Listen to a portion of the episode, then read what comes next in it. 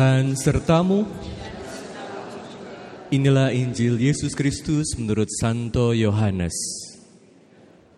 Dalam perjamuan malam terakhir, Yesus menengadah ke langit dan berdoa bagi para pengikutnya. Bapa yang kudus, bukan untuk mereka ini saja aku berdoa, tetapi juga untuk orang-orang yang percaya kepadaku melalui pemberitaan mereka, supaya mereka semua menjadi satu. Sama seperti engkau ya Bapa, di dalam aku, dan aku di dalam engkau. Agar mereka juga di dalam kita, supaya dunia percaya bahwa engkaulah yang telah mengutus aku. Aku telah memberikan kepada mereka kemuliaan yang kau berikan kepadaku, supaya mereka menjadi satu, sama seperti kita adalah satu. Aku dalam mereka dan engkau dalam aku, supaya mereka menjadi satu dengan sempurna, agar dunia tahu bahwa engkau yang telah mengutus aku, dan bahwa engkau mengasihi mereka sama seperti engkau mengasihi aku. Ya Bapa, aku mau supaya di mana pun aku berada, mereka juga berada bersama-sama dengan aku. Yakni mereka yang telah engkau berikan kepadaku, agar mereka memandang kemuliaanmu yang telah engkau berikan kepadaku. Sebab engkau telah mengasihi aku sebelum dunia dijadikan. Ya Bapa yang adil, memang dunia tidak mengenal engkau, tetapi aku mengenal engkau dan mereka ini tahu bahwa engkaulah yang telah mengutus aku. Aku pun telah memberitahukan namamu kepada mereka, dan aku akan memberitahukannya supaya kasih yang kau berikan kepadaku ada dalam mereka, dan aku di dalam mereka. Berbahagialah orang yang mendengarkan sabda Tuhan dan tekun melaksanakannya.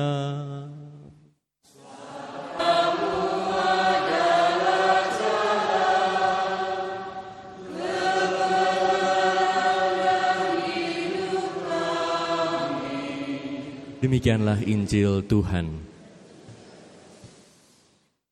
Aku berdoa supaya mereka menjadi satu, sama seperti Engkau ya Bapa, di dalam aku dan aku di dalam Engkau. Saudara-saudari sekalian terkasih dalam Kristus, pesan Injil hari ini sangat jelas, yaitu Yesus berdoa supaya kita menjadi satu. Tapi bukan hanya berhenti di situ, ini bukan kesatuan manusiawi belaka. Yesus mau supaya kita menjadi satu di dalam kasih Allah. Anda melihat bagaimana Yesus mau supaya murid-muridnya, supaya kita semua ini juga mengalami apa yang Yesus alami. Indahnya persatuan yang Yesus alami, Yesus bersatu dengan Bapa dan itu yang Yesus mau bagikan kepada kita. Ini satu hal yang sangat indah ya. Jadi Anda lihat sekali lagi ini bukan persatuan manusiawi, duniawi, belaka. Tetapi persatuan dengan Allah. Di mana sungguh-sungguh kita diundang untuk masuk dalam persatuan dengan Allah. Dan itu bisa terjadi kalau kita ini bisa berkomunikasi dengan baik. Makanya ini adalah satu dasar. Nah, kita saya mau ajak Anda lihat bersama apa sih artinya komunikasi dan bagaimana komunikasi yang sering terjadi. Ini yang kedua. Kok sering kali komunikasi itu tidak berjalan karena kita ini hidup dengan keegoisan. Komunikasi yang egois. Yang ketiga, bagaimana komunikasi yang diinginkan Allah? Komunikasi yang penuh kasih, komunikasi di dalam kasih, dan komunikasi mengenai kasih. Jadi pertama apa itu komunikasi? Kedua, komunikasi yang egois. Ketiga, komunikasi yang penuh kasih. Apa itu komunikasi? Komunikasi sering kali kita lihat sebagai satu proses bercakap-cakap. Tapi kalau mau lihat lebih dalam, komunikasi ini berasal dari kata bahasa Latin communicare yang artinya memberi dan menerima. To share and to partake. Jadi komunikasi ini bukan sekedar mengucapkan kata-kata belaka, tetapi bahkan yang jauh lebih penting adalah menerima. Bagaimana kita bisa mendengarkan. Komunikasi selalu dua arah, berbicara dan mendengarkan, nggak pernah satu arah. Dan tujuannya jelas, komunis, common, bersama, supaya hal-hal yang kita punya kita mau bagikan kepada orang lain supaya hal-hal ini jadi milik bersama, common. Ini tujuannya, mau berbagi, berbagi ide, berbagi hidup, berbagi banyak hal. Kalau sebelumnya ide ini hanya ada dalam pikiran saya, ketika saya komunikasikan ide ini ada di dalam pikiran orang lain, teman bicara Anda, sehingga ide yang sama ini menjadi milik bersama. Ini artinya komunikasi. Dan dari ide ini lalu kemudian kita bisa berkoordinasi. Artinya ada order, ada keteraturan. Karena kita tahu saya ada di mana, kamu ada di mana. Dan dengan demikian lalu tujuannya bisa jadi bekerja bersama, hidup bersama. Ada hidup komunitas yang indah. Apalagi kalau kita bisa lihat hidupnya seperti persatuan antara Allah Bapa dan Yesus. Persatuan yang penuh kasih. Hidup bersama yang penuh kasih. Siapa yang nggak mau hidup bersamanya ini benar-benar dipenuhi dengan kasih. Gimana kalau keluarga kita komunikasinya jalan dan kasihnya ini benar-benar hidup dalam keluarga ini jadi seperti serasa di surga. Sayangnya komunikasi sehari-hari sering kali tidak terjadi seperti ini. Karena komunikasi ini sering kali jadi terhambat karena keegoisan. Keegoisan jadi tembok yang membuat kita nggak bisa ngerti orang lain. Nah, saya mau ajak Anda lihat bagaimana sih komunikasi yang egois, yang egois ini. Ada dua hal, dari sikapnya, attitude-nya, dan dari kontennya. Seringkali ketika kita berkomunikasi, kita sudah punya sikap yang egois. Artinya apa? Aku berbicara supaya kamu ngerti aku, supaya kamu mendengarkan aku. Yang penting aku, aku, aku, dan aku. Aku nggak peduli kamu pikirannya apa. Yang penting kamu ngerti aku dan kamu setuju sama aku. Nah kalau orang dari sikap awalnya itu sudah berkomunikasi dengan keegoisan, sering kali yang muncul apa? Kemarahan. Yang muncul kekhawatiran. Bisa gak ya aku meyakinkan dia? Kalau dia nggak setuju, bahkan bisa marah. Nah, kalau sikapnya ini udah jelek, komunikasi nggak bisa berlanjut. Karena kenapa? Komunikasi mengandaikan pola berpikir yang jelas. Kalau orang udah masuk dalam satu percakapan dengan hati yang panas, bisa gak dia berpikir dengan jernih? Gak bisa. Seringkali komunikasi jadi putus karena ada kemarahan. Satu hal kecil aja di dalam keluarga. Karena ada kemarahan jadi besar. Padahal ini cuma hal kecil. Karena kalau marah itu pola berpikir kita dibuat jadi buram, jadi nggak jelas, tertutup oleh emosi kita. Bukan lagi pikiran kita yang berfungsi di dalam komunikasi, tetapi emosi, shutdown, ketutup. Nah makanya kalau mau komunikasi, apalagi untuk hal penting, kalau lagi marah lebih baik jangan diomongin dulu. Pergi masing-masing dulu, cool down di rumah doa, pergi ke ruang adorasi, supaya pikiran tenang, hati tenang, lalu bisa lanjut lagi komunikasi. Jangan ambil keputusan saat lagi marah atau saat lagi takut, karena nanti bisa menyesal belakangan. Lalu kontennya, kalau kita lagi marah, selfish, egois, kontennya juga yang dibagikan ini kebencian yang dibagikan pokoknya proyekku tercapai. Lalu komunikasi jadi menghasut. Komunikasi jadi gosip. Yang ada ngejelekin orang. Tujuanku apa? Bukan untuk berbagi, untuk menjatuhkan orang itu, untuk merusak orang itu. Lalu kita masuk dalam politiking. Ini hidup murahan. Komunikasi murahan.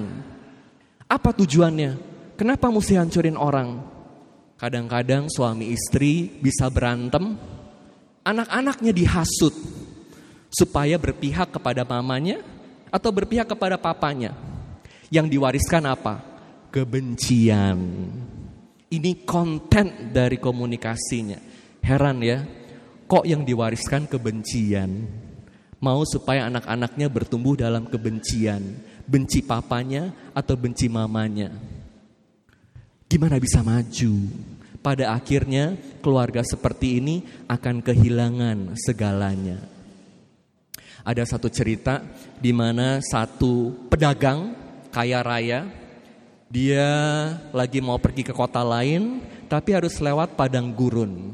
Jadi waktu dia lewat padang gurun dia sewa satu kuda. Dia bayar kudanya.